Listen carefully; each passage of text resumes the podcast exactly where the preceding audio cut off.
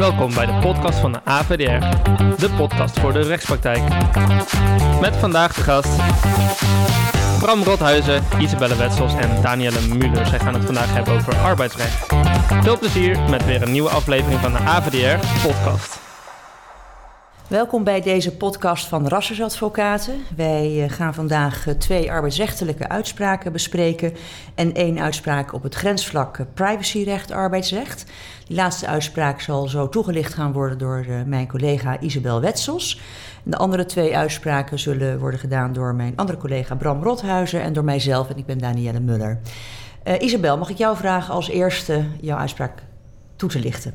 Dankjewel Danielle. Nou, graag uiteraard. Um, ik heb een uitspraak geselecteerd van de Autoriteit Persoonsgegevens van 24 maart 2020. Lijkt een hele oude uitspraak, is het ook, maar hij is recent gepubliceerd en openbaar gemaakt door de Autoriteit Persoonsgegevens op haar website, namelijk op 19 mei 2021. Waar gaat deze zaak nu eigenlijk over? Deze zaak gaat over CPNA. Dat is een inspectie- en onderhoudsbedrijf van openbare objecten. Een klein tot middelgroot bedrijf, ongeveer 160 werknemers. En dan krijgt de autoriteit persoonsgegevens op 11 januari 2019 een melding dat CPNA een online verzuimregistratie bijhoudt in een Google Drive bestand. En dat uh, online verzuimregistratiebestand uh, is voor iedereen toegankelijk. En in dat, uh, ja, in, in dat bestand worden eigenlijk gezondheidsgegevens van zieke werknemers verwerkt.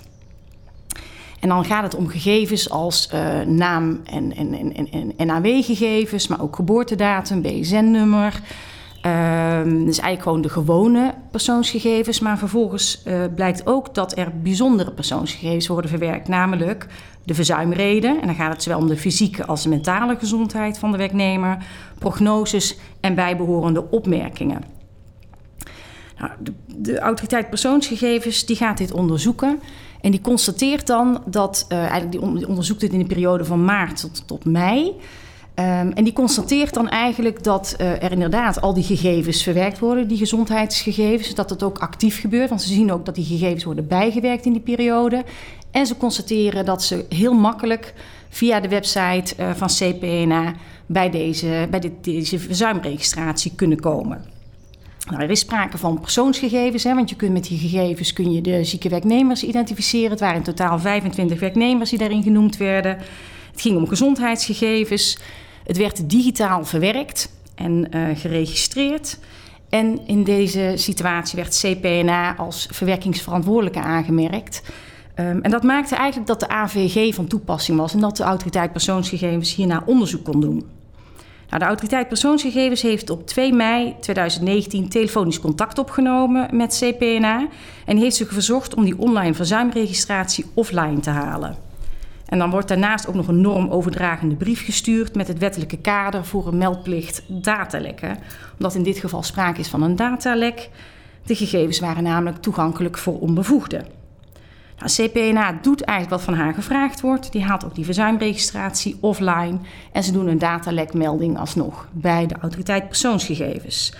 Maar daarmee was deze zaak niet afgedaan, helaas, voor CPNA. Uh, want de autoriteit persoonsgegevens neemt deze zaak hoog op. Die constateert dat er sprake is van een overtreding van artikel 9 lid 1 van de AVG. Dat zegt namelijk dat er een verbod is op het uh, verwerken van gezondheidsgegevens. Dus dit had niet gemogen.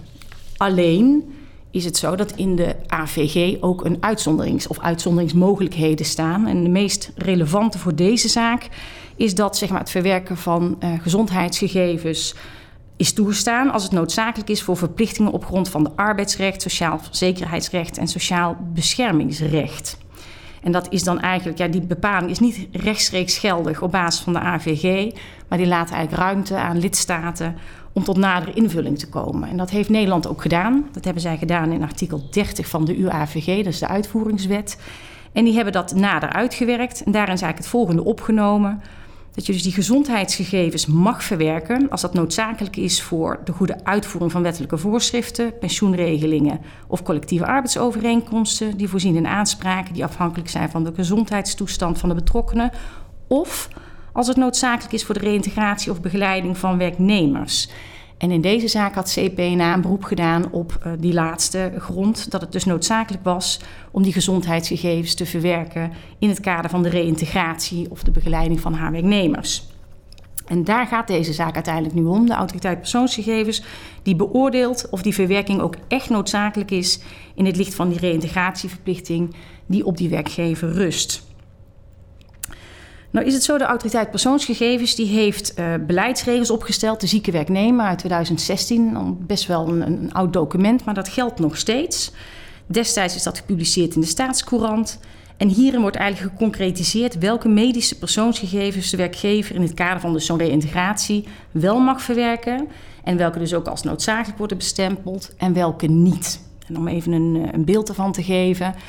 Um, gegevens die namelijk volgens die beleidsregels wel mogen verwerkt, dat zijn gegevens als um, de werkzaamheden waartoe de werknemer niet meer of nog wel in staat is. Dus dat zijn eigenlijk meer de functionele beperkingen van zo'n werknemer, de verwachte duur van het verzuim en de mate waarin de werknemer arbeidsongeschikt is. En eventuele adviezen over aanpassingen, werkvoorzieningen of interventies die zo'n werkgever voor die reintegratie moet treffen. Dus eigenlijk gewoon gegevens die noodzakelijk zijn om reïntegratiewerkzaamheden door zo'n werknemer te laten uitvoeren. Dat je als werkgever eigenlijk weet van wat kan wel en wat kan niet.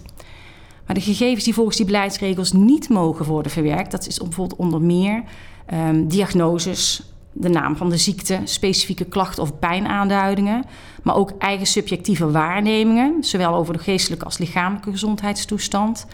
Uh, gegevens over therapieën, afspraken met artsen, fysiotherapeuten, psychologen en dergelijke. En overigens situationele problemen, zoals relatieproblemen, problemen uit het verleden, overlijden van de partner, scheiding en dergelijke. Dus die gegevens mogen niet worden verwerkt. Nou, als je nu gaat kijken welke gegevens door CPNA werden verwerkt, dan wordt wel helder dat dat precies de categorie is van persoonsgegevens, gezondheidsgegevens, die juist niet verwerkt hadden mogen worden. De autoriteit persoonsgegevens uh, concludeert dan ook dus dat CPNA geen beroep kan doen op die uitzonderingsgrond. Dus eigenlijk is de conclusie dat eh, CPNA ehm, ja, in strijd met de AVG gezondheidsgegevens heeft verwerkt van zieke werknemers. Dus daar gaat eigenlijk CPNA nat. Dit is eigenlijk één onderdeel van uh, het onderzoek van de autoriteit persoonsgegevens. Want een tweede onderdeel waar ze zich op richt was namelijk de vraag of de beveiliging wel op orde is. Op grond van die AVG heb je de verplichting om passende technische en organisatorische beveiligingsmaatregelen te treffen. Dus de autoriteit persoonsgegevens heeft eigenlijk ja, zich afgevraagd: heeft CPNA een passend beveiligingsniveau gehanteerd? En dan is het wel van belang om te realiseren dat als je het echt over gezondheidsgegevens hebt, dat je dan een hele zware beveiligingsplicht hebt. Hè. Dat zijn gevoelige, bijzondere gegevens. Um, dus dat betekent dat je gewoon extra zorgvuldig daarmee om moet gaan en het ook extra moet beveiligen. Ja, want begreep ik nou van jou dat het op intranet stond of op internet? Ja, het stond op, op intranet. Ja, volgens de autoriteit persoonsgegevens. Dit is een, een stukje wat niet helemaal duidelijk naar voren komt in de uitspraak. De autoriteit persoonsgegevens geeft aan dat ze dat, op, uh, dat, ze dat gewoon op intranet konden bekijken.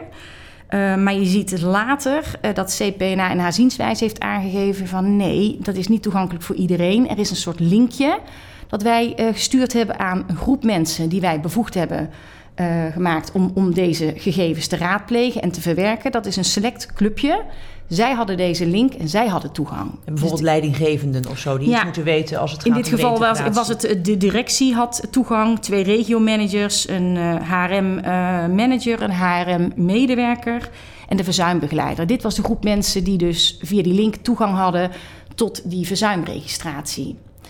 Um, ik vermoed zelf, maar ik ga het nu invullen, dus ik moet een beetje oppassen. Maar ik heb zelf het idee, uh, wat, wat er gebeurd is, is dat die link die is kennelijk naar een onbevoegde derde gestuurd. En misschien dat deze derde ook degene is geweest die die link aan eh, de autoriteit persoonsgegevens heeft gestuurd. Althans, het, het komt in ieder geval meer. De autoriteit persoonsgegevens heeft erbij gekund. Dus ik vermoed dat hier de lek heeft gezeten. En daar draait het uiteindelijk ook in deze zaak om. Hè. Uh, ik gaf net al aan, de autoriteit persoonsgegevens stelt zware eisen aan een uh, werkgever. die zegt je moet het goed beveiligen.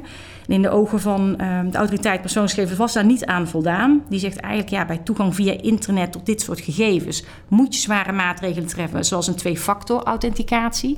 Dat is eigenlijk een beveiligingsmanier uh, waarvan de autoriteit persoonsgegevens zegt dat die in deze zaak dus voldoende zou zijn geweest, goed zou zijn geweest. En ja, het verweer van CPNA, waar we het net over hadden, die zei van ja, maar ik had een link gestuurd en die was maar voor een select aantal mensen uh, in te zien. Dat is dan toch wel voldoende. Ja, daarvan heeft de autoriteit persoonsgegevens gezegd van ja, nee. Want zo'n link kun je ook aan een onbevoegde verstrekken. Dat is dus kennelijk ook hier denk ik gebeurd. En daar had je rekening mee moeten houden. Dus de autoriteit zegt wel van ja, je hebt wel organisatorische maatregelen getroffen, maar het is gewoon onvoldoende. En dat blijkt natuurlijk in de praktijk, want het, het is uiteindelijk een, een, een methode geweest die gewoon ja, lek is geweest. En uiteindelijk um, komt dan de autoriteit uh, persoonsgegevens, die gaat dan eigenlijk, die zegt eigenlijk, dus er sprake van twee overtredingen. Eén is, je hebt in strijd met het verbod om gezondheidsgegevens te verwerken gehandeld en je hebt onvoldoende beveiliging op orde gehad. Um, en die gaat daar vervolgens een boete voor opleggen. En dan werken ze binnen de, uh, werkt de autoriteit persoonsgegevens met een boetebeleidsregels uit 2019. En daar kunnen ze gewoon zien in welke categorie een bepaalde overtreding valt. En daar hangt ook een bepaalde boete aan vast. Dus voor de overtreding van uh, het, het, het verbod op het verrichten van gezondheidsgegevens ja, dat is categorie 4. Dat is de hoogste categorie, categorie. Dus er is ook een behoorlijke boete voor opgelegd. Dat is 725.000 euro. Zo. De boete. Ja, en de boete voor um, het, het, het, niet op orde hebben van de beveiliging is 310.000 euro. Dus in totaal is er een boete opgelegd van 1.035.000 euro. Natuurlijk gigantisch voor een uh, werkgever. Er is er alleen één maar. Daar komt CPNA heel goed mee weg. Um, want de autoriteit persoonsgegevens moet ook toetsen of de toepassing van haar beleid voor het bepalen eigenlijk van die hoogte van de boete, of die gezien de omstandigheden en dan dus ook de draagkracht van CPNA, of die dan zeg maar in zo'n concreet geval uh, tot een onevige, onevenredige uitkomst zou kunnen leiden. En de conclusie van de autoriteit persoonsgegevens is dat dat hier het geval is. Het hem eigenlijk met name op de draagkracht van CPNA. Die wordt uh, dan toch als onvoldoende geacht. En daarmee is de boete van 1.035.000 euro teruggebracht naar 15.000 euro. Dus dat maakt natuurlijk ontzettend veel uit. Van 1 miljoen naar 15.000 Ja, van 1 miljoen naar 15.000 euro. Maar ik denk dat het wel goed is om te beseffen... Kijk, in de praktijk zie ik nog wel eens een keer gebeuren... dat een werkgever uh, gezondheidsgegevens verwerkt. Niet in deze mate, dat heb ik in de praktijk nog niet gezien... Maar je ziet ook, je hoorde net ook al dingen als um, gegevens over bijvoorbeeld uh, het overlijden van de partner, een scheiding. Ja. Uh, ik kan me goed voorstellen dat een werkgever dit wel registreert ergens. Wat dus niet de bedoeling is. Ja, maar soms moet je het toch ook registreren, bijvoorbeeld met, in verband met pensioen bijvoorbeeld? Ja. ja. maar dan heb je dus weer zo'n rechtvaardigingsgrond. Ah, dat is dan die uitzondering. Ja. Maar je mag het dus niet doen in het kader van, van uh, nou ja... Uh, iemand is ziek en je gaat al deze gegevens noteren. Ja, hij is iemand. ziek, want er zijn ook problemen thuis ja. en dat soort zaken. Dat mag ja, niet in het kader van de reïntegratie. En wat jij net aangaf, dat is eigenlijk een, een andere reden. Dan ja. is het meer een wettelijke verplichting. Ja, precies. Maar was het een heel klein bedrijf, Isabel, dat die boete werd gematigd? Ja, ik vond het wel meevallen. Het is 100, 160 werknemers. Ik denk dat het klein tot, tot midden groot is. Maar ik denk dat het met name heeft te maken met de financiële positie van CPNA. En die gegevens die zijn niet, niet openbaar gemaakt. Ik heb, daar heb ik geen dat zicht op. Niet. Nee. Maar ik vermoed dat daar het met name heeft gezeten. Dat het gewoon een bedrijf is wat er financieel niet zo goed voor stond. Nee. In ieder geval niet sterk genoeg was om even een boete van een miljoen te betalen. Maar de, de, de, je ziet gewoon wel, de autoriteit persoonsgegevens heeft niets gedaan aan de boete. Eigenlijk is de redenering echt geweest, ik leg twee keer het basisbedrag op. Ze kunnen dat nog ophogen, ze kunnen het ook verlagen. Beide is mogelijk. Nou, dat hebben ze niet gedaan. Dus ze hebben gewoon gezegd, het is inderdaad 1 miljoen. Maar het is puur op basis van die onevenredigheid... dat ze het ja. uiteindelijk hebben teruggebracht naar een boete van 15.000. Dus twee flinke tikken op de vingers. En ook ja. gelijk daarmee een waarschuwing dus aan andere ja. bedrijven en werkgevers. Ja. Klopt. Nou, dankjewel Isabel. Ik denk dat ze ook hier mooi uh, tot uitdrukking komt... dat jouw uh, expertise op dit uh, snijvlak arbeidsrecht en privacyrecht ligt. Dus mooi en laat het een waarschuwing zijn voor, voor werkgevers. Ja, dat hoop ik ook. Dankjewel. Bram, uh, mag ja. ik jou uh, vragen om jouw uitspraak Zeker. toe te lichten? Iets anders dan Isabel. Dit is een uitspraak van het Hof Den Haag van 29 juni. Dat is een ontbindingsprocedure en die gaat over een werknemer van een penitentiaire inrichting... die betrokken is geweest bij het openen van de deuren van de inrichting... omdat een collega een pizza had besteld en laten bezorgen. Deze werknemer is in dienst sinds januari 1997 in dienst um, als bewaker. En hij werkt bij een zwaar beveiligde inrichting in Rotterdam. En daar in Rotterdam daar zijn heel veel gedetineerden gehuisvest met een extreem hoog risico op ontvluchting en daarmee een groot maatschappelijk risico. En ook in die inrichting is een terroristenafdeling gehuisvest, waardoor er eigenlijk extra veiligheidsmaatregelen in acht genomen moeten worden. Nou, binnen die inrichting zijn uiteraard allerlei strikte codes en protocollen van toepassing, waaronder de gedragscode Integriteit Rijk en de gedragscode van de dienst Justitiële Inrichtingen. En daaruit blijkt onder andere dat de buitendeur en de deuren van de sluizen nooit gelijktijdig open mogen. Tijdens de nachtdienst mogen de deuren die toegang verschaffen tot de inrichting en de binnenplaatsen niet worden geopend voordat er door de piketfunctionaris toestemming is verleend. En daarnaast moeten tijdens die nachtdienst een aantal posten bezet zijn, waaronder de portiersloge en de bewaarder security desk. En die posten mogen ook nooit verlaten worden. Nou, daarnaast moeten die beveiligers ook een aantal controlerondes lopen, waarbij de wachtcommandant altijd drie rondes uh, moet meelopen. Dat is de eerste, de derde en de zesde ronde. En bovendien moet elke ronde gelopen worden door twee medewerkers, dus er mag nooit alleen gelopen worden. Die werknemer vervulde in die bewuste nacht de functie van wachtcommandant en dat bracht blijkbaar extra verantwoordelijkheid met zich mee. Tijdens die nachtdienst uh, was er een collega die blijkbaar heel veel honger had en die wilde graag een pizza bestellen. En die vroeg aan de werknemer in kwestie of dat mocht. En die werknemer gaf daar toestemming voor. Dus de collega bestelde pizza. En uh, in die avond, uh, rond kwart voor elf, stond de pizzabezorger voor de deur. Waarbij de buitendeur was geopend door een tweede collega. En de binnendeur was geopend door de werknemer in kwestie om die pizzacourier binnen te laten. Nou, die pizza is vervolgens in ontvangst genomen door een derde collega. En de, de werkgever kwam daar natuurlijk uh, achter en is vervolgens een intern onderzoek gestart. Waarbij er meerdere gesprekken zijn gevoerd met de betrokken collega's die werkzaam waren die nachtdienst. En ook zijn camerabeelden bekeken. Op grond daarvan is de werknemer geschorst. En heeft de werkgever vervolgens een ontbindingsverzoek ingediend bij de kantonrechter. Waarin is verzocht om de arbeidsovereenkomst te ontbinden op basis van de E-grond, verwijtbaar handelen of nalaten van de werknemer, per direct en zonder toekenning van de transitievergoeding, omdat de werkgever stelt dat er hier sprake is van ernstig verwijtbaar handelen. De kantonrechter heeft in de eerste aanleg het ontbindingsverzoek afgewezen en oordeelt kort gezegd dat er wel begrip is voor het standpunt van de werkgever, maar oordeelt de kantonrechter ook de werkgever had het af kunnen doen met een lichtere sanctie, zoals een waarschuwing, waarbij het beleid van de werkgever nog eens een keer onder de aandacht kon worden gebracht van de werknemer. Maar had de kantonrechter ook overwogen, de lat voor verwijtbaar handelen was blijkbaar net niet gehaald. Nou, logischerwijs zou ik zeggen, heeft uh, de werkgever vervolgens hoger beroep ingesteld bij het Hof. Primair wederom verzocht om ontbinding op de E-grond. En heeft gesteld in hoger beroep dat de werknemer zich schuldig heeft gemaakt aan ernstig plichtsverzuim. Hij heeft de veiligheid van de inrichting, de gedetineerde en zijn collega's in gevaar gebracht en niet gehandeld zoals mocht worden verwacht van een wachtcommandant die eindverantwoordelijk was in een zwaar beveiligde inrichting. De werknemer heeft volgens de werkgever verschillende regels overtreden. De werknemer heeft natuurlijk verweer gevoerd. Ik vond eerlijk gezegd het verweer van de werknemer niet heel sterk. Ik vond ook eerlijk gezegd een beetje lachwekkend. Hij heeft ten eerste heeft hij aangevoerd dat de werkgever de kwestie enorm zou hebben opgeblazen. Hij zou als wachtcommandant slechts aanspreekpunt zijn en een klein radartje in het geheel. En dat vond ik wel een beetje lachwekkend. Hij had ook gesteld dat hij uit humanitaire overwegingen had ingestemd met het bestellen van de pizza voor de bewuste collega omdat hij honger had en geen ander voedsel ter beschikking had.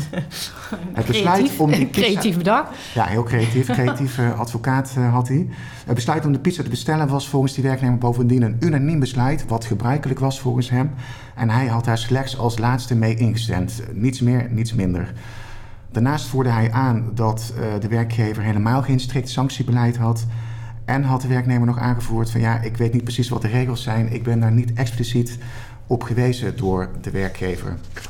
Nou, voordat het Hof tot het oordeel komt, uh, wordt het interne onderzoek van die werkgever wordt aangehaald.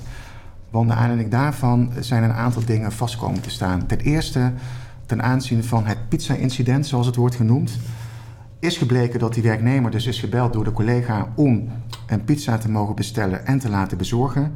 De werknemer heeft daarmee ingestemd. De werknemer heeft vervolgens geen toestemming verzocht aan die piketfunctionaris om de buitendeur te openen. Vervolgens heeft de werknemer zelf de binnendeur geopend voor die pizzacourier. Ehm, en wat er ook is gebeurd, is dat een derde collega die pizzadoos in ontvangst heeft genomen van die pizzacourier. En zowel die werkgever of die werknemer en die collega hebben vervolgens verzuimd om die pizzadoos blijkbaar te controleren. Zelfs niet op het moment dat het alarm afging toen die collega met die pizzadoos door de detectiepoort liep. Ja, of er niet nog een telefoon toevallig Precies, of er niet iets geks in zat. Niet, ze controleert... Maar er waren dus vier medewerkers bij betrokken, ja, begrijp ik. klopt. Ja, is alleen tegen deze medewerker actie ondernomen? Nee, ze zijn alle vier geschorst en er zijn ook meerdere ontbindingsprocedures ah, okay. gevoerd. Maar ik bespreek nu alleen ja. van deze werknemer die toen de functie had van wachtcommandant. En was dat een hiërarchisch andere functie? Ja, dus die andere werknemers stonden onder de wachtcommandant. Wat de werknemer ook had verzuimd was het lopen van die controlerondes. Hij moest er drie meelopen, had hij niet gedaan. Maar hij had wel in strijd met de waarheid aangetekend in een formulier dat hij dat wel zou hebben gedaan. Daarnaast was hij blijkbaar anderhalf uur ongeveer op een bankje in de kantine gaan liggen. Met een dekentje over zich heen, zo staat het in die uitspraak. Omdat hij last zou hebben van pijnklachten aan zijn stuitje. Nou, dat had hij niet gemeld aan zijn leidinggevende, maar hij was wel gewoon anderhalf uur op een bankje gaan liggen. Niet uitbuiken van de pizza? Nee, hij had zelf trouwens die pizza niet gegeten. Dat ging oh. om één andere collega. Daarbij droeg die werknemer in strijd met de, eh, met de instructies uh, geen dienstkleding en werkschoenen. En als laatste had de werknemer verzuimd om na die nachtdienst melding te doen van het feit dat die buitendeur en de binnendeur van de inrichting waren geopend. Dan komt het oordeel van het Hof. Ja, en het Hof maakt eigenlijk korte metten met het verweer van de werknemer. Want ten eerste overweegt het Hof ten aanzien van het pizza-incident dat de werknemer daarvan in belangrijke mate een verwijt kan worden gemaakt. Hij heeft toegestaan dat die buitendeur werd geopend. Hij heeft zelf de binnendeur geopend zonder dat hij daarvoor de vereiste toestemming had. En wat het Hof hem ook heel zwaar aanrekent is het feit dat de handeling zich kenmerkt dat een onbekend persoon, een pizzabezorger, wordt binnengelaten in een zwaar beveiligde instelling. Ja. Normaal gesproken worden de deuren alleen geopend voor, hè, ze staat het hier in die uitspraak ook, gedetineerde transport, bezorging van medicijnen of de politie wordt soms binnengelaten. Maar hier zegt het Hof, open je de deur voor het bezorgen van etenswaren door een compleet onbekende persoon. Terwijl die werknemer ter zitting nog had erkend dat hij wist dat de regel is dat die buitendeur alleen maar open mag in geval van een calamiteit. En dat hij daarvoor dus toestemming moest vragen aan die piketfunctionaris. Het Hof vervolgt dan door te zeggen dat als er dan zogenaamde humanitaire zorgen bestonden over de vraag of die collega wel veilig zou kunnen werken omdat hij niet gegeten had, dan had die werknemer dat moeten aanmerken als een calamiteit en vervolgens dus die toestemming moeten vragen. Heeft hij niet gedaan. Daardoor zegt het Hof miskent die werknemer zijn eigen verantwoordelijkheid als wachtcommandant. Hij wist dat hij de laatste was die instemde met het verzoek om die pizza te bestellen en te laten bezorgen. En daarmee wist hij dus ook dat met het geven van die instemming de bestelling zou worden geplaatst en die buitendeur in strijd met de instructie zou moeten worden opengedaan. Dus hij heeft een onveilige situatie laten ontstaan en laten voortbestaan ten aanzien van vlucht- en smokkelgevaar. Nou, dat is dan het eerste verwijt. Het tweede verwijt van het Hof is dat hij dus op een bankje is gaan liggen anderhalf uur lang. Zonder, zo staat het ook in die uitspraak, dat een medische indicatie aan de werkgever was verstrekt. De werkgever hoeft volgens het Hof niet te accepteren dat een wachtcommandant zijn post verlaat en ook nog eens een keer deels liggend doorbrengt. En zeker omdat onbetwist was gebleken dat die wachtcommandant, de werknemer in kwestie, niet die drie controlerondes had meegelopen en dus ook had gelogen dat hij dat wel zou hebben gedaan. Dus het was een opeenstapeling van een aantal feiten. Het was een opeenstapeling van een aantal feiten. Maar het belangrijkste natuurlijk dat die deuren waren geopend. Samengevat oordeelde het Hof... heeft de werknemer zijn rol bij het pizza-incident ten onrechte gebagatelliseerd. Hij heeft onvoldoende blijk gegeven van zijn eigen verantwoordelijkheid als wachtcommandant. En bovendien heeft hij die onregelmatigheden niet achteraf gemeld bij zijn werkgever. En daarbij geldt volgens het Hof dat die regelingen die toepasselijk waren, daar had hij bekend mee moeten zijn. En daaruit vloeide ook voort dat die zijn opgesteld met het oog op een goede gang van zaken binnen die zwaar bewaakte inrichting, maar ook voor de veiligheid van de werknemers, de gedetineerden en de maatschappij. Het Hof is van oordeel dat dus van die werknemer een hoge mate van zorgvuldigheid en integriteit mag worden verwacht. Dus al met al vindt het Hof het voldoende voor ontbinding op de e-grond. En wat interessant is dat het Hof ook nog opmerkt dat voor ontbinding op de e-grond niet vereist is dat het ontslag een laatste redmiddel is, in die zin dat een ontslag op deze grond alleen mogelijk zou zijn als de werkgever met minder ingrijpende middelen niet kan volstaan. En daarvoor wordt door het Hof dan verwezen naar een recente beschikking van de Hoge Raad van 28 mei jongsleden, vers van de pers dus, waarin dat is geoordeeld door de Hoge Raad. En oordeelt het Hof, wat ook niet vereist is, zijn meerdere voorafgaande waarschuwingen of dat er sprake moet zijn van een ernstige belemmering van de bedrijfsvoering. Hoeft allemaal niet. Dus ontbinding op de E-grond is een feit en dan vervolgens in verband met de transitievergoeding moet beoordeeld worden of er sprake is van ernstig verwijtbaar handelen of nalaten. Nou, daarvoor wordt door het Hof verwezen naar een andere beschikking van de Hoge Raad. Dat is de woondroomzorgbeschikking van 8 februari 2019. En daarin heeft de Hoge Raad geoordeeld dat er een hoge drempel moet worden aangenomen voor ernstig verwijtbaar handelen of nalaten van de werknemer. De rechter moet het begrip ernstige verwijtbaarheid volgens de Hoge Raad terughoudend toepassen en alleen in duidelijke en uitzonderlijke gevallen aannemen dat daarvan sprake is. Nou, en dacht ik, dat toetsingskader haalt het verwijtbaar handelen van deze werknemer naar het, naar het oordeel van het Hof die hoge drempel niet. Maar, zegt het Hof, het is wel zwaarwegend, maar het is net onvoldoende. En ook niet in samenhang bezien met eerdere incidenten die blijkbaar in het verleden ook hebben plaatsgehad. Dus uiteindelijk komt aan die werknemer de transitievergoeding toe. In dit geval bedraagt dat iets meer dan 42.500 euro bruto. En de arbeidsovereenkomst wordt uh, met inachtneming van de opzegtermijn van maar één maand in plaats van vier maanden ontbonden, omdat die werknemer al meer dan een jaar met behoud van loon geen werkzaamheden meer had verricht voor die werkgever, hangende deze ontbindingsprocedure. Ja. Ja, ik denk, wat kun je hieruit afleiden? Ik denk drie dingen. Uh, ten eerste de bevestiging van het recente oordeel van de Hoge Raad dat voor een geslaagd beroep op de E-grond niet vereist is dat het, dat het ontslag, hè, dat het het laatste redmiddel voor ontslag moet zijn, wat wel het geval is bij ontslag op staande voet. dat wilde ik net zeggen. Je ziet hier denk ik toch echt een, een verschil bij ontslag in afweging. Ontslag voet is dat wel zo, hè? dat noem je dan met een chic woord het ultimum remedium. Dat speelt dus niet bij de E-grond en dat is weer gunstig voor werkgevers in een ontbindingsprocedure, omdat dus volgens de Hoge Raad en dus ook dit Hof Den Haag die E-grond ruim moet worden getoetst door rechters. En dat is het eerste. Tweede is dat de lat voor ernstige verwijtbaarheid heel hoog ligt. En zelfs hier, waarbij er een hele gevaarlijke situatie wordt gecreëerd in een zwaar bewaakte gevangenis met een terroristenafdeling, waarbij zelfs de veiligheid van de maatschappij in het gedrang komt, ja, dat is daarvoor volgens het Hof Den Haag in ieder geval onvoldoende. Dus ik denk dat je er als werkgever in een ontbindingsprocedure niet snel aan ontkomt om de transitievergoeding te betalen. En Bram, ik begreep ook net dat je aangaf hè, dat er wel al eerdere incidenten waren geweest ja, bij deze uh, werknemer. maar dat een aantal jaar dus... geleden een, een, een steekincident geweest, maar dat was ook onvoldoende bewezen. In ieder geval is dat voor het Hof alles bij elkaar genomen onvoldoende om ernstige verwijtbaarheid aan om te mee nemen. te nemen. Ik in denk een dat soort... het misschien ook te lang geleden ja. was, maar ja. het was ook door de werkgever ook niet primair aangevoerd hoor. Het was meer op de achtergrond dat dat meespeelde. Maar ja, nogmaals, onvoldoende voor ernstige Ja. verwijtbaarheid. Het laatste punt is het verschil in benadering tussen de kantonrechter en het Hof ten aanzien van de werknemersbescherming in ontslagrecht. Je ziet hier dat de kantonrechter toch wat werknemersvriendelijker is dan het Hof door het ontbindingsverzoek af te wijzen. En dat komt eigenlijk wel vaker voor. Dus ik denk dat het soms wel loont voor een werkgever om in dit soort zaken in hoger beroep te gaan, om daarmee mogelijk alsnog een einde van het dienstverband voor elkaar te krijgen. Tot zover mijn bespreking van deze uitspraak over de E-grond. Interessante zaak. Ja, Leuk. dankjewel Bram. Ja, een beetje atypisch eh, qua feiten, maar het laat wel goed zien hoe de E-grond inhoudelijk wordt beoordeeld door zowel de kantonrechter en het Hof. Ja. Ja, dankjewel. Goed, dan ehm, neem ik de laatste uitspraak voor mijn rekening die we vandaag bespreken.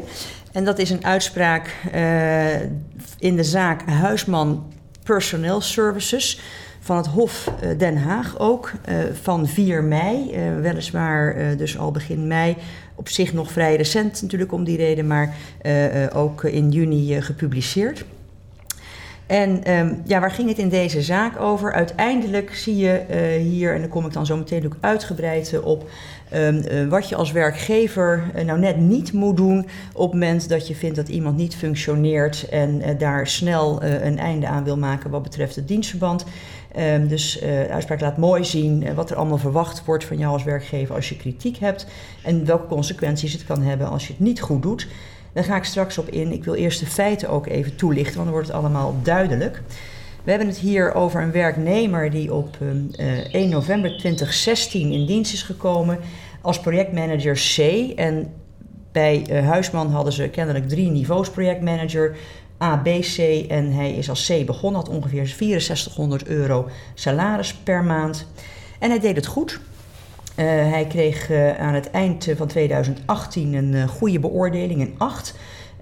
leidinggevende en de COO en een projectmanager A gaven hem die beoordeling en beloonden hem ook in die zin nog eens een keer meer door hem een promotie te geven. En hij werd projectmanager B met ingang van dat jaar.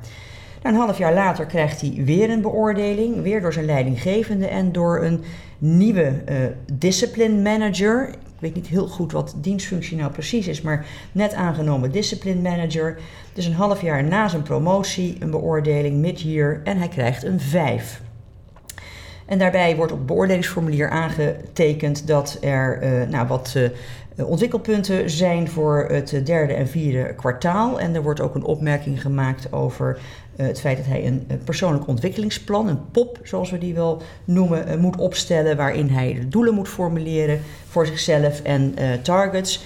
En nou, dat zou dan verder worden besproken. Nou, die werknemer gaat daar heel adequaat mee aan de slag.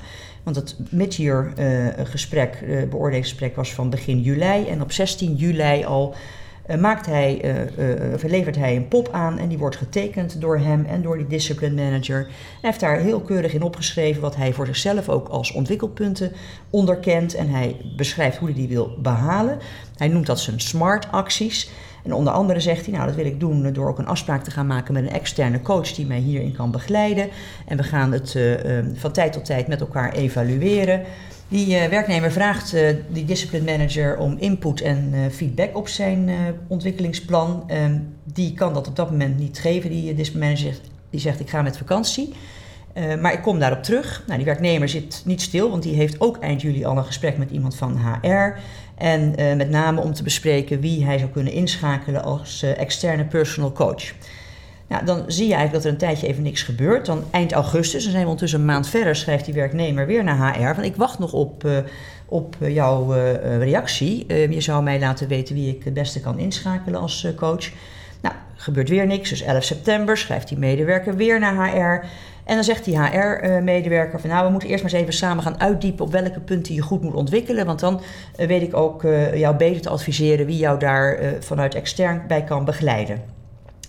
Nou, dan op 19 september ondertussen zitten we dus echt al uh, twee maanden na het maken van dat persoonlijk ontwikkelingsplan. Uh, schrijft hij weer die discipline manager aan en zegt: Nou, ik heb een gesprek gehad met HR, hartstikke goed. En, maar geef jij ook nog even je input en je reactie? Um, nou, daar komt niks op. En op 4 oktober heeft hij een gesprek met zijn leidinggevende en die discipline manager. En er wordt ook gezegd: Ja, we hebben eigenlijk helemaal geen vertrouwen in uh, in het feit dat jij je gaat verbeteren, in uh, ontwikkeling en verbetering. En um, wij willen eigenlijk stoppen. Wij gaan de dienstverband beëindigen. En um, hier ga ik ook nooit meer op terugkomen. Er wordt hem gezegd door een van de twee namens de werkgever. Nou, die werknemer is natuurlijk stupefait. Dat doet ook heel wat met hem. Die meldt zich een paar dagen later ziek. Dan wordt hij uh, uitgenodigd voor een gesprek direct de dag volgend op zijn ziekmelding. Dat gesprek vindt plaats. Die werknemer neemt ook zijn gemachtigde mee. En in dat gesprek, dan praten we over 10 oktober, wordt uh, bevestigd: nee, we gaan beëindigen. En hij krijgt ook gelijk een VSO overhandigd. Nou, dan zie je daarna, dat zie je wel vaker, dan begint het dan een beetje te schuren. Dan uh, krijgt hij wat, uh, ontstaat er wat gedoe over de beschikbaarheid uh, voor de arbodienst. proberen hem te bereiken, hij is er niet. Nou, dan moet die gemachtigde weer in de pen klimmen. Ja, maar jullie hadden hem vrijgegeven die middag, had hij ongevraagd. En dan kan je ook niet verwachten dat hij dan zijn telefoon wel aan laat staan voor de arbodienst. Dus dat is onterecht dat jullie hem hier verwijt maken. Nou, zo gaat dat. Uiteindelijk uh, doet de gemachtigde een tegenvoorstel, want ja, die VSO wordt afgewezen, doet een tegenvoorstel. Die werkgever wijst dat tegenvoorstel af en komt met een finaal uh, voorstel op 25 oktober. En begint op 25 oktober ook over het feit dat deze projectmanager zijn projecten moet overdragen. En dat moet hij uiterlijk op 29 oktober gedaan hebben. Nou, dat doet die werknemer. Die is weliswaar afgesloten van het systeem. Maar vanuit huis maakt hij een mail uh, met uh, uh, nou ja, daarin op zijn manier beschreven hoe die overdracht moet plaatsvinden. Even terug naar het gesprek wat ze nog hadden op 10 oktober. Daar zat die gemachtigde bij. Toen was er ook al gesproken over overdracht. Uh, waarbij toen de veronderstelling was dat dat te maken had met het feit dat hij ziek was. Het was er nog gevraagd: is er een, speciaal document daarvoor dat we kunnen gebruiken? Nee, dat is er niet. Maak zelf maar wat uh, met, met Word. Nou, prima. Dus dat had hij gedaan en hij laat dat dus op 29 oktober weten. En de 30ste reageert die werkgever: nee, dat is niet voldoende. En hier is een overdrachtsdocument en daar moet je het allemaal in uitwerken. En dat willen we morgen hebben. Nou, dan moet die gemachtigde weer in de pen klimmen. Van nou, dat is allemaal heel erg uh, vreemd dat dat zo gaat. Want ik heb notabene gevraagd uh, drie weken geleden of er een overdrachtsdocument is. En dat was er niet. En nu opeens krijg ik een document uh, onder ogen. En ik zie dat dat is opgesteld in 2015. Dus dat was er kennelijk wel. En nou moet hij dat morgen inleveren. Maar jullie weten dat hij morgen naar de bedrijfsarts moet. Dus die zeker een halve dag mee zoet. Dus nou ja, lijkt me niet heel erg redelijk hè, dat jullie dit zo van hem vragen. Nou, de bedrijfsarts die oordeelt die dag daarna, eind oktober, 31ste. Nou, er is geen sprake meer van ziekte in dit geval. Uh, geen medische grond meer voor arbeidsongeschiktheid, maar er zijn wel spanningen. Dus die geeft uh, partijen de gelegenheid, time-out, twee weken. En uh, nou, kijken of je tot een oplossing kan komen. Dat lukt niet. 11 november meldt de werknemer zich weer hersteld. En een dag later krijgt hij een uitnodiging van zijn werkgever om te komen praten. Uh, en het gaat weer over overdracht van zijn werk. Maar dan opeens natuurlijk over overdracht van zijn werk, omdat zijn werkgever wil dat hij zijn werkzaamheden neerlegt. Dus weer klimt die gemachtigde in de pen en zegt: Nou, jullie hebben hem vanochtend gevraagd om een gesprek later vanochtend. Uh, als het gaat over overdracht van zijn werk, dan wordt daar uh, protest tegen aangetekend. Want ik zie daadwerkelijk geen valide grond waarom mijn cliënt zijn werkzaamheden niet gewoon kan uitoefenen. Nou, daar wordt niks mee gedaan vanuit de werkgever. Dat gesprek vindt plaats, hij wordt vrijgesteld van werk en uh, er wordt nog uh, gezegd, uh, ja, overdracht en dit is het. Dan komt ook van de kant van de werkgever de gemachtigde in beeld. En ik denk dat die ondertussen wel snapt dat het toch qua dossier niet echt heel erg sterk is. Dus die komt op 20 november zitten we ondertussen nog met het aanbod dat de werknemer terug kan naar zijn oude functie van projectmanager C. Nou, dan zegt die werknemer van nee, niks ervan, geen enkele aanleiding voor. En nou, dan dient uiteindelijk de werkgever een ontbindingsverzoek in bij de kantonrechter. En baseert dat verzoekschrift op de D-grond. Hij functioneert onvoldoende, de D van dysfunctioneren. Subsidiair de G-grond, er is sprake van een verstoorde verhouding. En meer subsidiair, dat zien we natuurlijk vaker tegenwoordig. De I-grond, de cumulatie- of combinatiegrond. En zegt de werkgever met alleen toekenning van de transitievergoeding, en even om daar een beeld van te geven, die kwam op dit, uh, in dit geval op net geen 7500 euro. Nou, die werknemer die voert zwaar verweer tegen uh, het feit dat gesteld wordt dat hij dysfunctioneert uh, en zegt op de D-grond moet het verzoekschrift worden afgewezen. Maar de G-grond daarvan zegt hij ja, er is wel sprake ondertussen van een verstoorde verhouding. Sterker nog, de werknemer dient ook een zelfstandig verzoek in tot ontbinding van de arbeidsovereenkomst vanwege die verstoorde verhouding. Maar zegt daarbij, ken mij daarbij naast de transitievergoeding ook een billijke vergoeding toe van, mind you, 322.000 euro. De kantonrechter ontbindt uiteindelijk inderdaad op grond van de verstoorde verhouding. Uh, en uh, ik kom zo aan uh, het hoe en waarom, maar even ontbindt per 1 juni 2020. Dus dan zijn we ondertussen echt wel een heel stuk verder en kent daarbij naast transitievergoeding een billijke vergoeding toe van 100.000 euro. Nou, en hoe komt de kantonrechter daar nu toe? Die zegt ja, er is geen sprake van een voldragen D-grond. Ik zie niet hier dat er sprake is van onvoldoende functioneren. Want beste werkgever, het kritiek wat je had, de kritiek die je had op het functioneren was veel te algemeen en onvoldoende concreet geformuleerd en ook onvoldoende onderbouwd. Er waren aandachtspunten inderdaad. Dat heeft de werknemer zelf ook onderkend. Hè. Dat heeft hij ook in zijn pop helemaal uitgeschreven. Hoe hij zich wilde gaan ontwikkelen. Hij had bereidheid getoond ook om daaraan te werken. Maar ja, dat betekent nog niet dat er sprake is van onvoldoende functioneren als je je nog moet ontwikkelen. En uh, uh, ja, Van Huisman, dus de werkgever, zegt de kantonrechter, had verwacht mogen worden dat als ze kritiek hadden op zijn functioneren, dat ze hem een reële kans zouden hebben geboden om dat functioneren te verbeteren. En belangrijk ook, heel duidelijk aan te geven wat haar verwachtingen daarbij dan waren en wat de consequenties zouden zijn van het feit dat hij uiteindelijk mogelijk niet aan die verwachtingen zou uh, hebben uh, voldaan of zou gaan voldoen. Nou, dat zien we natuurlijk vaker terug en al in uitspraken over dysfunctioneren. En uh, zegt de kantonrechter, ja, dat traject, zo'n verbetertraject, dat is hier niet aan de orde geweest. Want uiteindelijk gaat het alleen maar om het feit dat hier uh, de werknemer zelf een pop heeft moeten opstellen, een persoonlijk ontwikkelingsplan. Maar Huisman heeft daar verder helemaal geen concrete doelen in geformuleerd, terwijl de notabene wel door de werknemer ook was gevraagd van geef mij input. Nee, alleen maar wat opmerkingen erbij en verder was het ondertekend. Er is ook toegezegd, we gaan je helpen ondersteunen en begeleiden bij die ontwikkeling. Ook uitgebleven, zegt de kantonrechter. Dus ja, uh, je kunt ook niet beste werkgever, want dat hadden ze namelijk gezegd, de werknemer het verwijt maken dat hij zich in die korte periode ook verder helemaal niet heeft uh, ontwikkeld of dat het aan zijn houding heeft gelegen dat het niet op gang is gekomen. En uh, ja, feitelijk, doordat je het verbetertraject eigenlijk op 4 oktober al hebt afgebroken voordat het goed en wel uh, begonnen uh, was, heb je geen reële mogelijkheid geboden om het functioneren te verbeteren. Ja. Lijkt me ook wel terecht als ik dit zo beluister. Ja. Maar je ziet dit ook, hè? volgens mij in 60 of 70 procent van de ontbindingsverzoeken die op uh, de D-grond zijn gebaseerd, die worden gewoon ja, afgewezen. Dus dat wordt afgewezen. Ja. Maar de kantonrechter, omdat hier dus natuurlijk subsidiair ja. ook uh, de G-grond was aangevoerd en de werknemer een zelfstandig verzoek had ingediend ook, zegt de kantonrechter ja. Ik zie hier wel uh, een reden om te ontbinden op grond van de G-grond. En vanwege het feit dat de werkgever uh, zo gehandeld had met betrekking tot ja, het niet een kans geven om te verbeteren. En om zo kort door de bocht te gaan en zo kort nadat eigenlijk alleen maar over een ontwikkelingsplan was gesproken, te zeggen: Ik zie helemaal geen reden om, of geen, geen reële toekomst voor jou hier, we hebben er geen vertrouwen in. En er gelijk eigenlijk al een punt achter te zetten. Dat ziet de kantonrechter als ernstig verwijtbaar. Dus ontbinding op de G-grond en uiteindelijk dus die billijke vergoeding van 100.000 euro.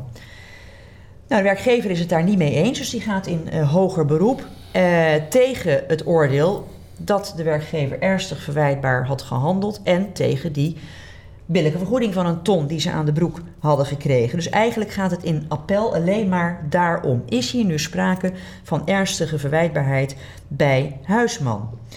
En het Hof nou, hij zegt, uh, ik heb, we hebben natuurlijk kennis genomen van alle overwegingen van de kantonrechter in dit verband. En die overwegingen onderschrijven wij helemaal. Daardoor, zegt de kantonrechter, uh, dus het feit dat Huisman ten onrechte getracht heeft om op een onvoldragen D-grond te ontbinden en onvoldoende de gelegenheid heeft geboden om het functioneren te verbeteren. Daardoor is uh, de arbeidsverhouding onherstelbaar verstoord geraakt en dat kwalificeert als ernstig verwijtbaar, zegt het Hof. Nou, de werkgever heeft natuurlijk grieven aangevoerd en die zegt ja, maar uh, wij vonden het niet ernstig verwijtbaar, want werknemer functioneerde gewoon niet naar behoren. We hebben hem een promotie gegeven en dan mag je verwachten dat hij toch tenminste, nadat hij promotie heeft gekregen, ook in staat is om zijn functioneren nou ja, nog net boven het niveau uit te tillen wat hij had eind 2018 toen we hem die promotie gaven. Dus um, ja, en dat hadden we ook beoogd met die promotie, dat hij zich zou uh, gaan verbeteren. En ook bovendien, ja, hij moest zich verbeteren, want daarom heeft hij een, een POP, een persoonlijk ontwikkelingsplan uh, moeten opstellen. En we hebben hem ondersteuning geboden, maar hij heeft daar te weinig in gedaan om daar gebruik van te maken. Um, nou, en daarvan zegt het Hof. Want hè, zegt, de werkgever zegt, dus dat, is, ja, dat kwalificeert allemaal niet als ernstig verwijtbaar. En dan zegt het Hof, nou, zelfs als je moet zeggen dat in dit geval van deze werknemer verwacht mocht worden wat hij moest doen en hoe hij zich moest verbeteren, ja, dan lag het nog steeds op de weg van de werkgever om ja, bij die kritiek, of om die, die levende kritiek bij haar, om die duidelijk en tijdig kenbaar te maken aan uh, de werknemer. En uh, um, ja, niet, uh, het, moet, het ligt ook niet voor de hand dat als je een promotie geeft eind 2018, ligt het niet voor de hand dat er direct allerlei stappen worden gemaakt in een half jaar tijd. En uh, het ligt ook niet voor de hand om aan te nemen dat hij in een half jaar tijd ineens ontzettend veel slechter functioneert. Dus als je dan kritiek hebt, dan moet je heel duidelijk zijn in de punten waarop het niet goed gaat naar jouw oordeel. En dat moet je ook heel tijdig en duidelijk kenbaar maken. En uh, uh, ja, dat was dus hier uh, niet, niet gebeurd. en het Hof zegt ook, ja, gewoon ga zitten. Ga op een constructieve wijze ook met elkaar bespreken wat er dan moet verbeteren. En bied de gelegenheid om dat te doen. En je moet werkgever daar de werknemer dan ook in begeleiden. Doordat jij, werkgever, een verbeterplan moet opstellen. Want jullie verwijzen wel in dit geval naar het persoonlijk ontwikkelingsplan. Maar één, een persoonlijk ontwikkelingsplan POP is geen verbeterplan. Dat is iets dat een werknemer opstelt. En dat ziet op ontwikkeling, op uh, nou ja, groeien. Maar het is geen verbeterplan. En werkgever, het is jouw taak om dat verbeterplan te maken, zegt het Hof heel uitdrukkelijk in deze uitspraak. Um, en dan gaat het Hof nog weer verder van ja, maar zelfs als aangenomen moet worden dat dit persoonlijk ontwikkelingsplan in de plaats kwam van een verbeterplan, dan nog ben je ernstig verwijtbaar tekortgeschoten in je verdere begeleiding, beste werkgever. Want het heeft helemaal niet, uh, je hebt helemaal niet uh, gecommuniceerd op een hele constructieve wijze die zou bijdragen aan die verbetering. Je hebt geen redelijk overleg gevoerd. Er is jou gevraagd om input. Heb je niet gegeven. Er is jou gevraagd om uh, begeleiding te regelen. Dat is nog niet van de grond gekomen. Ja, en dan kan je wel zeggen dat werd de werknemer geacht allemaal zelf te weten. Maar zo werkt het niet. Dus uh, uh, het is allemaal echt in jouw hoek te zoeken dat het zo traag allemaal is gelopen. Ook er waren mensen met vakantie. Um, er werd om input gevraagd wat je niet, uh, niet gaf. Jullie reageerden niet. Jullie hebben niet adequaat begeleid. Dus um, ja, dat allemaal kwalificeert als ernstig verwijtbaar. En ja, dan zegt het Hof eigenlijk, en dan krijgt Huisman het wel echt, um, echt even flink pak op de broek. Uh, jullie zijn echt flink over de scheef gegaan, werkgever in dit geval, door een persoonlijk ontwikkelingsplan op te stellen begin juli. En dan uiteindelijk door ja, niet te reageren in de tussentijd en eigenlijk niks te doen, in één keer resoluut en absoluut te zijn ook in je mededeling op 4 oktober. Wij gaan ermee stoppen. We hebben geen vertrouwen in verdere voortzetting. En de uitspraak ook, ik ga hier nooit op terugkomen. Wij gaan beëindigen en mediation was ook uitgesloten, was ook gezegd. Nou, nogmaals, daarmee, zegt het Hof, is Huisman flink over de scheef gegaan. Uh, dus uh, al met al sprake van ernstig verwijtbaar handelen. En is er uiteindelijk ook nog aangevoerd, ja, maar we hadden hem ook nog aangeboden dat hij terug kon naar zijn eigen functie. En daarvan zegt het Hof, ja, dat is echt de elfde uren er helemaal ja. bij de haren bijgesleept. Ja. Waarbij ook nog erkend is door de werkgever dat ze dat gedaan hadden, omdat het tegenvoorstel van de werknemer, dat vonden ze ja, gewoon uh, veel te veel gevraagd. Dus nou, dan, dan bieden we hem eigenlijk maar zijn oude functie alsnog aan. En daar zegt het Hof, nou, dat uh, is zo doorzichtig, dus daar uh, ja. gaan we ook niet in mee. Dus die ernstige verwijtbaarheid staat hier wat het Hof betreft vast. Maar dan komt het aan op de billijke vergoeding. En um, ja, daarvan had de werkgever gezegd, ja, de billijke vergoeding de wetgever heeft beoogd eigenlijk die billijke vergoeding alleen maar uh, uh, ja, te koppelen aan uh, ernstig verwijtbaar handelen en van de werkgever, waarbij ja, eigenlijk maar in weinige gevallen daarvan sprake zou zijn. en daarvan zegt het Hof, ja, nou ja, hier is wel sprake van de zogenaamde Asher Escape, hè, die we kennen. en verwijst naar een uitspraak, of meerdere uitspraken zelfs van de Hoge Raad, waar de Hoge Raad hier ook op in is gegaan. Namelijk dat zo heeft de Hoge Raad een paar keer overwogen dat de wetgever bij het opstellen van de WWZ onder ogen heeft gezien dat de arbeidsverhouding tussen partijen echt toch wel zodanig verstoord kan raken doordat de werkgever op een onvoldragen D-grond probeert daar een beëindiging uh, uh, van te realiseren, uh, dat uiteindelijk ehm, zonder daar de werknemer voldoende gelegenheid te geven om tot verbetering van het functioneren te komen, ja, de wetgever heeft onder ogen gezien dat het kan leiden tot een dusdanige verstoring van de verhouding dat het moet eindigen, maar dat dat dan wel echt kwalificeert als ernstig verwijtbaar waar die billijke vergoeding uh, bij uh, hoort. Uh, en dan gaat het Hof in op die billijke vergoeding. Want ja, daar heeft de wetgever natuurlijk verder geen enkel handvat gegeven. Um, en um, er zijn ondertussen wel behoorlijk wat uitspraken. De belangrijke arresten van de Hoge Raad in dit verband natuurlijk. Hè. Neil Hairstyle kennen we uh, Cinzia-uitspraak, ServiceNow. En die uh, haalt het Hof ook aan en zegt... Ja, het gaat bij de begroting van de billijke vergoeding kort gezegd erom dat de werknemer wordt gecompenseerd voor het ernstig verwijtbaar handelen en nalaten van de werkgever, waarbij de rechter uh, rekening kan houden met de gevolgen van het ontslag, voor zover die toe te rekenen zijn aan het verwijt dat de werknemer ten aanzien van het ontslag valt te maken. En we weten dat de Hoge Raad daar een aantal gezichtspunten bij heeft geformuleerd, een niet-limitatieve lijst. hoe kan je nou die billijke vergoeding begroten aan de hand van welke punten? Nou, ik zal ze even ook opzommen zoals, zoals ze in dit arrest staan. Nou, wat onder andere wat de werknemer aan loon zou hebben genoten als de ontbinding niet zou hebben plaatsgevonden. De mate waarin de werkgever een verwijt te maken valt. De gevolgen van het ontslag, voor zover die zijn toe te rekenen aan dat ernstig verwijtbaar handelen van de werkgever. Of de werknemer inmiddels ander werk heeft gevonden en welke inkomsten hij uit dat werk geniet.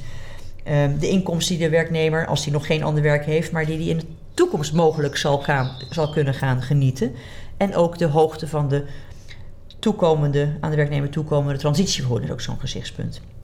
En daarbij, zegt het Hof, geldt als uitgangspunt dat de rechter die billijke vergoeding dient te bepalen op een wijze eh, die en op het niveau dat aansluit bij de uitzonderlijke omstandigheden van het geval. En dat is ook weer, nogmaals, uh, zoals de Hoge Raad dat ook heeft bepaald. Uh, waarbij die billijke vergoeding niet een specifiek punitief karakter heeft, maar het kan wel dienen als middel om de werkgever te wijzen op de noodzaak om het gedrag in eventuele toekomstige gevallen aan te passen. Met andere woorden, um, het moet niet zo zijn dat een werkgever er uh, op een gegeven moment maar voor kiest om een arbeidsovereenkomst ernstig en verwijtbaar te eindigen en de billijke vergoeding maar voor lief te nemen. Uh, uh, omdat die toch niet uh, zo hoog zal zijn. Dus er mag echt wel, wat dat betreft, een preventieve en ook afschrikwekkende werking van uitgaan. Ja, ik denk dat dat ook wel terecht is, Danielle. Toch? Ja, ja. Dat zegt het Hof ook. Hè. Dat strookt ja. ook met het gezichtspunt dat de billijke vergoeding dus inderdaad uh, uh, nou ja, moet tegengaan dat de werknemers dus ja, daar de keuze voor maken, omdat dat misschien voordeliger zou uitpakken. En dat is denk ik ook zeer terecht. Ja, zegt het Hof dan, maar die exacte omvang laat zich altijd erg moeilijk uh, uh, motiveren. En uh, doorgaans is het wel een belangrijk gezichtspunt van wat is nou de waarde van de arbeidsovereenkomst. En dat um, vergt dan bijvoorbeeld om een inschatting te maken van de vermoedelijke duur die die arbeidsovereenkomst nog zou hebben gehad. In dit geval gaat het Hof als eerste daarop in en zegt ja, in, uh, de kantonrechter heeft per 1 juni 2020 de arbeidsovereenkomsten ontbonden. Maar stel nu dat de werkgever in dit geval wel een deugdelijk verbetertraject zou zijn ingeslagen. En stel nu dat ze dat vanaf begin oktober 2020, op het moment dat ze hebben gezegd we gaan stoppen, maar op dat moment zouden zijn gestart met een deugdelijk verbetertraject. Dan zou, zegt het Hof hier, zo'n traject in dit geval minstens zes tot negen maanden ongeveer hebben geduurd. Dus dat vind ik ook wel een uh, een punt van aandacht dat het Hof zo'n lange tijd hier uh, uh, neemt als mogelijke duur van een verbetertraject. En zegt het Hof, als ze dat dan hadden gehad, dan had mogelijk, als dat verbetertraject natuurlijk niet was geslaagd, dan alsnog door Huisman de ontbinding gevraagd, had de ontbinding gevraagd kunnen worden. Het Hof zegt in dit geval heeft de ontbindingsprocedure ongeveer drie maanden geduurd. Nou, stel nu dat ze dat traject ingeslagen waren, dan hadden ze misschien medio april, dus het Hof gaat niet helemaal aan het eind van die negen maanden zitten, medio april hadden ze dan misschien alsnog, na de conclusie de verbetering is uitgebleven, een ontbindingsverzoek kunnen indienen. Nou, medio april indienen wil zeggen uh, mogelijk uh, ergens medio juli dan alsnog een uitspraak met een ontbinding dan mogelijk per 1 september. Zo denkt het Hof, had het allemaal wat langer kunnen duren. Uh, en dat zijn dus vergeleken met de ontbinding in dit geval 1 juni 2020 uh, en uh, eh, 1 september, wat het had kunnen zijn, dat is drie maanden. Dus drie maanden salaris eh, zouden dan nog verschuldigd zijn geweest, is ongeveer 19.000 euro. Dat is één punt. Dan zegt het Hof, ja, wat ook toch wel meespeelt, is dat deze werknemer eigenlijk geen financiële schade heeft geleden. Want hij heeft eigenlijk aansluitend op de beëindiging een andere baan gevonden. Ja, het Hof gaat dan verder uh, kijken en zegt: ja, er is eigenlijk hier geen financiële schade geleden, want de werknemer had uh, vrij aansluitend of, of eigenlijk aansluitend op zijn uh, arbeidsovereenkomst een nieuwe. Maar zegt het Hof, en dat is een hele belangrijke om mee te nemen, dat betekent niet dat de billijke vergoeding hier op nihil kan worden gesteld of moet worden gesteld. Want er is sprake van ernstige verwijt, ernstig verwijt behandelen van de werkgever. En ook zonder dat er directe materiële, uh, uh, materiële grondslag uh, ja, hoeft te zijn, is er aanleiding voor toekennen van de billijke vergoeding. Waarbij het Hof zegt, er is hier voor 14.000 euro uh, ruim uh, aan advocaatkosten gemaakt. De werkgever, werkgever heeft, uh, of de werknemer heeft zijn advocaat vaak moeten inschakelen om ehm, ja, ook nog de, alle verwijten die hem gemaakt werden te, te redresseren, zoals het Hof zegt. Ehm, dat zijn kosten, niet de proceskosten, maar de kosten die echt wel verband houden met ernstig verwijtbaar handelen. En die komen om die reden ook in dit geval voor vergoeding en aanmerking. Maar die neemt het Hof dus mee in de billijke vergoeding. En daarnaast zegt het Hof, ja, uiteindelijk heeft ook dat ernstig verwijtbaar handelen van de werkgever veel stress en onrust bij de werknemer veroorzaakt. Dat mag ook meewegen. Plus, er komt hier weer afschrikwekkende werking van uh, uh, uh, de billijke vergoeding. Dat mag ook een element zijn dat meetelt. En al dus komt het Hof op een billijke vergoeding van 75.000 euro. Dus waarom ze nu lager uitkomen dan de kantonrechter, dat is voor mij niet helemaal helder. Maar wel alsnog 75.000 euro. En het belangrijke hieruit mee te nemen is dat er dus eigenlijk geen financiële schade was, omdat de werknemer aansluitend ander werk had, maar dat dat niettemin uh, uh, ja, toch tot een billijke vergoeding leidt. En dat is wel in lijn ook met de uitspraak van de Hoge Raad in die Senzia-uitspraak. Nou, en dan als allerlaatste nog kort de juridische kosten. Er was gevraagd om toekenning van de advocaatkosten. Waarbij het Hof dus nu zegt: ik neem het mee in de begroting van de billijke vergoeding. Tegelijkertijd zegt het Hof: als we dat niet mee hadden genomen, dan was daar nog steeds wel een grondslag ook voor geweest op grond van 611. De werkgever heeft hier niet zorgvuldig gehandeld en had ook op die grond uh, uh, de, uh, hadden de advocaatkosten, voor zover ze niet onder de proceskosten vallen, meegenomen kunnen worden. Dus dat is eentje die we denk ik ook moeten uh, onthouden. Waarbij, naar mijn oordeel, het Hof de werknemer nog een beetje tekort doet. Want ze pakken die, advocaatkosten in de billijke vergoeding. Waarmee je natuurlijk ja, een netto kostenvergoeding eigenlijk in een billijke vergoeding die bruto is meeneemt. Terwijl ik denk de werknemer er meer mee gediend is als, als het apart wordt gehouden. Ja. Billijke vergoeding bruto zoveel en advocaatkosten zoveel. een netto bedrag. Ja. Maar dat is dus denk ik iets voor ons en, um, om mee te nemen uh, in eventuele andere zaken. Ja. Uh, maar um, ja, een hele uitgebreide, goed gemotiveerde uitspraak van het Hof in lijn met um, de rechtspraak die er is. Dus misschien niet zo verrassend, maar wel eentje weer voor werkgevers van let op. Ga een verbetertraject in, doe het goed, want het kan echt duur komen te staan als je dat veel te kort doet en eigenlijk bochten afsnijdt ja. uh, en de werknemer geen kans geeft. Ja, want Tof heeft het inderdaad goed uiteengezet. Heel goed, heel ja. uitgebreid. Ja, en opvallend dat dus een persoonlijk ontwikkelplan niet wordt gezien als een verbetertraject. Dat vind ik ook wel opvallend, omdat heel veel werkgevers, vooral grote werkgevers, werken daarmee. Maar ja. blijkbaar is dat dus niet een verbetertraject, nee, dat, dus dat daar is, moet je heel erg op passen. Ja, plus dat ook hier duidelijk wordt gezegd door het Hof... werkgever, jij moet een verbeterplan opstellen.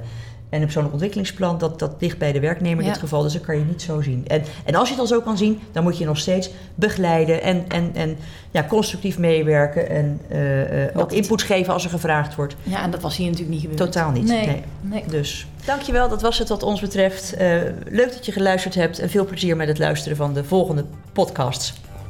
Bedankt voor het luisteren naar deze aflevering van de AVDR-podcast. Check de website www.avdr.nl voor meer unieke content voor de rechtspraktijk. Nogmaals bedankt en tot de volgende aflevering.